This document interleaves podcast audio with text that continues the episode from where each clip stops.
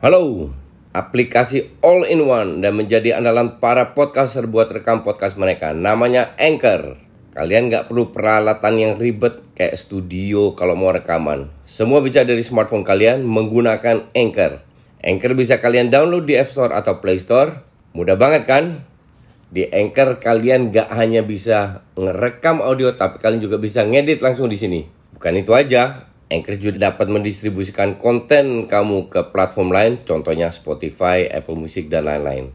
Keren kan? Satu aplikasi buat semua kebutuhan.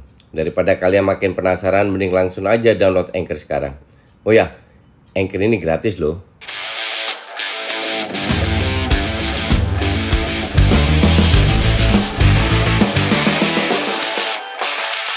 Salam Just Talk. Kali ini gue mau bahas em, pelatih mediocre, pelatih top, pelatih jelek, pelatih sosok, pelatih bagus, dan eh, kira-kira begitulah. Kenapa gue mau bikin video ini? Karena gue agak terganggu dengan timeline yang muncul di Twitter gue. Ada orang retweet. Ini orang bule, orang Inggris kalau nggak salah. Fansnya Ole. Sekali lagi, gue nggak anti Ole atau apa ya. Eh, dia bilang Pochettino lebih jelek daripada Ole karena tidak pernah meraih trofi sementara Ole meraih trofi. Cuman dia nggak sebut juga Pochettino nggak pernah degradasi, Ole pernah degradasi dengan Cardiff. Oke. Eh, jadi si Kardus ini membandingkan juara di Molde Norway dengan final di Champions League. Jadi menurut dia juara di Molde itu lebih penting daripada final di Champions League yang dibawa Pochettino. Jadi untuk gue sih ini orang bukan kardus lagi tapi tolol ternyata orang kalau fanatik dengan seorang atau mengidolakan seseorang atau klub logikanya blur hilang ya. Jadi gini, gue tidak mau bahas pelatih-pelatih yang sebelumnya karena kalau nggak salah pernah gue bahas tapi jadi zamannya Ferguson Wenger itu lupakan lah kita gue mau bahas yang sekarang karena banyak sekali dari kalian nggak tahu. Mungkin pernah lihat datanya Ferguson. By the way gue salah satu fans yang Ferguson ya. Uh, gue nggak mau bahas itu. Gue mau bahas tentang pelatih yang sekarang. Oke kita lihat uh, banyak sekali pelatih yang membawa ya mungkin 4-5 tahun yang lalu lah membawa timnya juara habis itu dipecat. Yang paling bagus untuk gue adalah Ranieri. Gue selalu bilang pelatih hebat atau pelatih top. Hebat, bagus, top itu adalah pelatih yang memanfaatkan kapasitas pemainnya. Dan di samping itu kalau bisa bonusnya pelatih top adalah bermain bagus dan menang. Tidak hanya bermain bagus atau tidak hanya menang, tapi kombinasi antara bermain bagus dan menang itu pelatih top. Ranieri mungkin pelatih sangat berpengalaman, main bagus sama Leicester enggak, tapi buat Leicester juara. Musim depannya dipecat. Di Matteo sama cerita. Pochettino masuk final Champions League untuk Spurs itu luar biasa. Karena pemainnya banyak yang mediocre, yang top paling Harry Kane doang. Musim berikutnya di, dipecat. Jadi parameternya apa untuk pemain? Parameternya itu mungkin luas ya bahwa untuk klub terutama itu harus menang, harus berada di papan atas. Itu bisa aja, cuman banyak faktor yang kita tidak lihat adalah faktor non teknis. Jurgen Klopp yang kita puji-puji, yang gue sangat sangat menikmati gaya mainnya, yang meraih segalanya dengan Liverpool, dipecat loh dari Dortmund. Oke, okay? setelah dia membawa Dortmund sukses juga dipecat. Jadi tidak selalu pelatih yang dipecat itu adalah pelatih jelek. Mungkin chemistry-nya. Nah, ini salah satu gue bahas non teknis dulu. Yang jadi masalah dengan non teknis adalah kita tidak pernah tahu apa yang terjadi di belakang layar. Lu tidak, gue tidak. Oke, kita baca di media, tapi media pun yang hoax banyak. Oke. Nah, sekarang apa yang dimaksud non teknis yang di belakang layar adalah faktor-faktor pengaruh dari pelatih ke pemain, hubungan antara pelatih dan pemain. Salah satu indikator untuk gue adalah interview yang dia kasih, auranya, ketegasannya, seperti apa. Contoh paling bagus adalah Setien waktu dia pegang Barca. Gue bilang Setien itu pelatih bagus dari sisi strategi. Gue tidak tahu bahwa dia ternyata tempe dari sisi non teknis. Dari preskonnya berkali-kali dia tunjukkan. Contoh, Barca kehilangan poin dia bilang, "Oh, Madrid juga entar kehilangan poin." Untuk gue itu udah enggak banget. Pelatih klub besar seperti Barca tidak boleh bilang begitu. Oke. Okay? Nggak boleh tergantung Madrid dan terbukti Madrid nggak kalah, nggak kehilangan poin sama sekali dan juara. Terus dia bilang, ya kadang kalau kita ngelatih klub kita harus lihat bahwa uh, ada pemain yang sudah lama di di klub ini jadi nggak bisa diganti kas nggak nggak bisa di, diganti lah kasarnya begitu. Jadi dia merefer bahwa pemain ex Lamasia atau apa itu nggak nggak boleh diganti. Pelatih kayak apa itu? Itu yang bikin gue dua poin itu sangat kecewa terhadap Setien. Dan ternyata terbukti dia nggak bisa kontrol ruang ganti. Oke? Okay? uh, itu juga faktor dari pelatih apakah kita melihat dia punya otoritas, dia punya karakter atau tidak. Contoh dua pelatih yang berkarakter untuk gue itu Ronald Koeman dan Arteta. Lu lihat preskonnya, semua yang dia katakan soal Messi, soal apa dia bilang semua pemain yang ada di Barcelona memiliki hak dan kewajiban yang sama. Dan dia bilang juga ke Messi.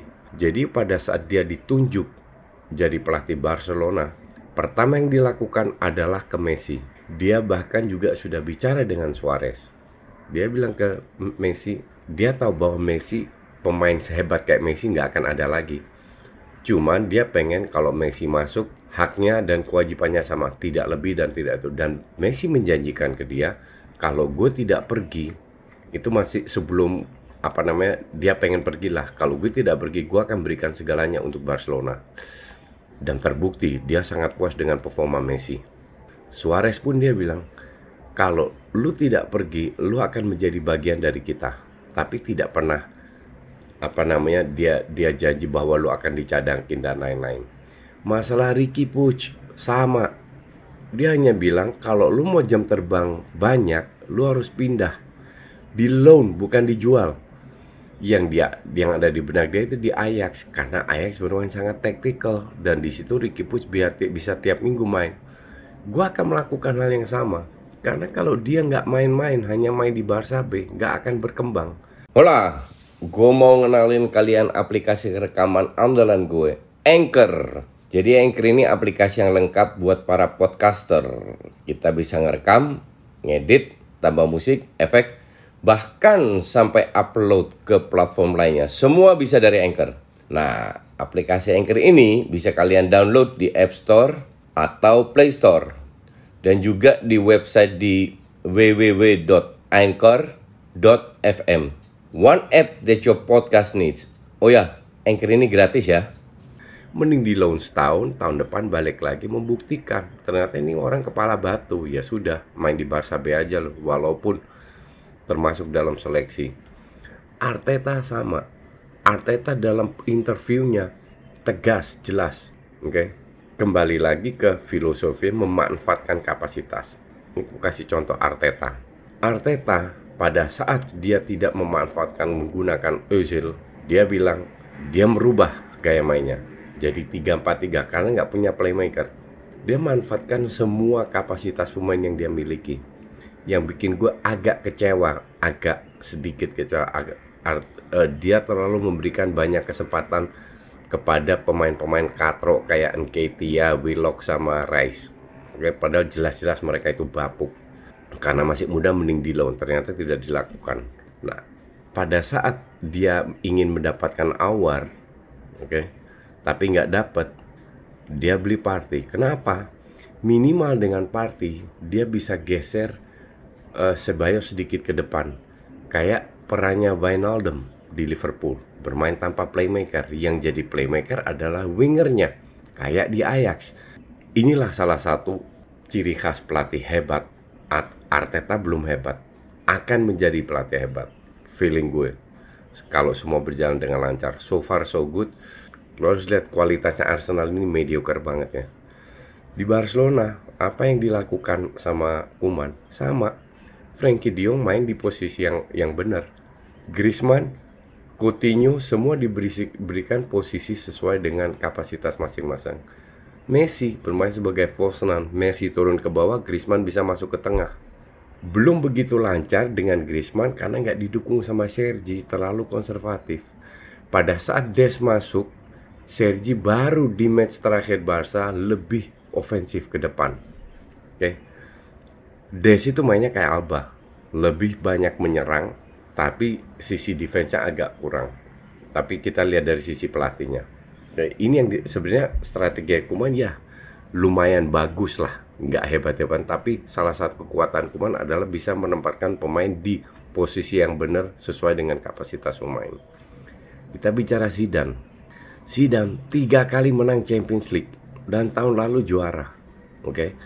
kita bisa bilang ya oke okay, si, si Zidane uh, apa namanya juara karena Barca? Enggak karena kerja kerasnya dia sendiri. Harus kita akui sesimpel itu. Dan tiga kali juara Champions itu enggak gampang loh. Itu asli enggak gampang. Enggak enggak ada pelatih yang bisa melakukan itu. Di samping timnya bagus yang yang dia lakukan adalah membuat pemainnya dibebasin lah. Karena pemainnya skillnya bagus sudah kompak jadi jalanlah itu Benzema, Ronaldo, Bale lagi bagus-bagusnya dan lain-lain Cuman Lipi pun bilang sebenarnya dari sisi strategi Sidan ini tidak memberikan banyak hal kepada Madrid. Dan gue setuju dan itu sudah berkali-kali gue bilang lu boleh cek interview dengan Lipi tentang Sidan tapi di sisi lain gue bilang ya sudah kalau Sidan nggak nggak begitu tidak terlalu bagus dari sisi strategi tapi toh juara. Juara Champions League sekarang juara Liga. Nah tahun ini membuktikan tidak beli pemain sama sekali Ronaldo nggak ada tahun ini membuktikan apakah Zidane bisa menjadi juara dengan Real Madrid dengan meramu permainannya tanpa pemain bintang sehingga permainannya lebih tidak gampang ketebak lah. Oke. Okay? Jadi untuk Zidane untuk guys Zidane pelatih bagus belum top. Ole Ole kita lihat tahun lalu mereka dapat 66 poin ranking 3. Tahun sebelumnya 60 poin 66 poin juga jadi nggak ada perkembangan dari 66 poin. Padahal sudah ditambah 200 juta pemain. Wan bisa kalah, Daniel James lah, Bruno Fernandes Januari datang dan Maguire. Harusnya kan bisa lebih banyak. Kenapa? Setelah Bruno Fernandes datang, datang MU meroket, dapat banyak poin. Tapi kenapa cuma 66 poin? Karena sebelumnya keteteran terus. Kenapa keteteran? Dia tidak merubah strateginya, selalu selalu bermain dengan 4-2-3-1. Nah, di belakang striker dicoba Lingard lah, Pereira, semua dia pernah coba Gatot. Pada saat Bruno Fernandes datang baru berjalan. Apakah ini pelatih bagus? Gue bilang tidak, karena dia tidak memanfaatkan memanfaatkan kapasitas pemainnya. Dia punya satu sistem, ya pemain harus adaptasi.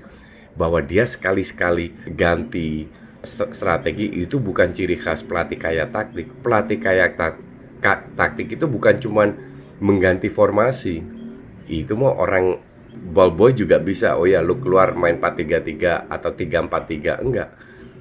Pelatih kaya taktik itu merubah strategi tapi bisa perform. Bukan hanya merubah aja, tapi merubah dan perform. Satu lagi pada saat MU kalah 6-1, dengan 10 orang harusnya nggak ada masalah kalau mereka lebih smart mainnya. Oleh nggak bisa ngapa-ngapain, nggak bisa merubah sehingga terjadilah kesalahan-kesalahan nyaris nggak dapat peluang juga. Itu kalau gue bilang oleh ikut bertanggung jawab karena dia tidak bisa merubah membuat perubahan pada saat uh, uh, MU bermain dengan 10 orang. Pep Pep kayak taktik orang bilang oh Pep main gitu-gitu aja. Lu lihat musim lalu lawan Madrid di uh, Champions League Madrid kaget dengan sistem yang dirubah yang lebih defensif yang tidak biasa. Ba ba banyak uh, pemain di depan bola. Akhirnya di kandang kalah Madrid dan layak kalah. Inilah ciri khas pelatih top atau bakal top yang bisa memanfaatkan kapasitas pemainnya. Nggak cuman Sheffield tahun lalu luar biasa. Dibilang pelatih habis itu jeblok. Eddie Howe Bournemouth gue masih ingat awal-awal bilang oh ini ini penerusnya Wenger bla bla bla. Sekarang dipecat dari Bournemouth. Ancelotti. Ancelotti itu pelatih old school. Cuman salah satu kekuatan Ancelotti ya seperti dia waktu pegang Madrid dia menempatkan pemain di posisi yang benar. Dia memberi kebebasan kepada James untuk bermain. Jadi happinessnya itu keluar Itulah perbedaan pelatih-pelatih yang senior itu bisa melihat juga dari sisi non teknis, bisa membuat pemain jadi happy.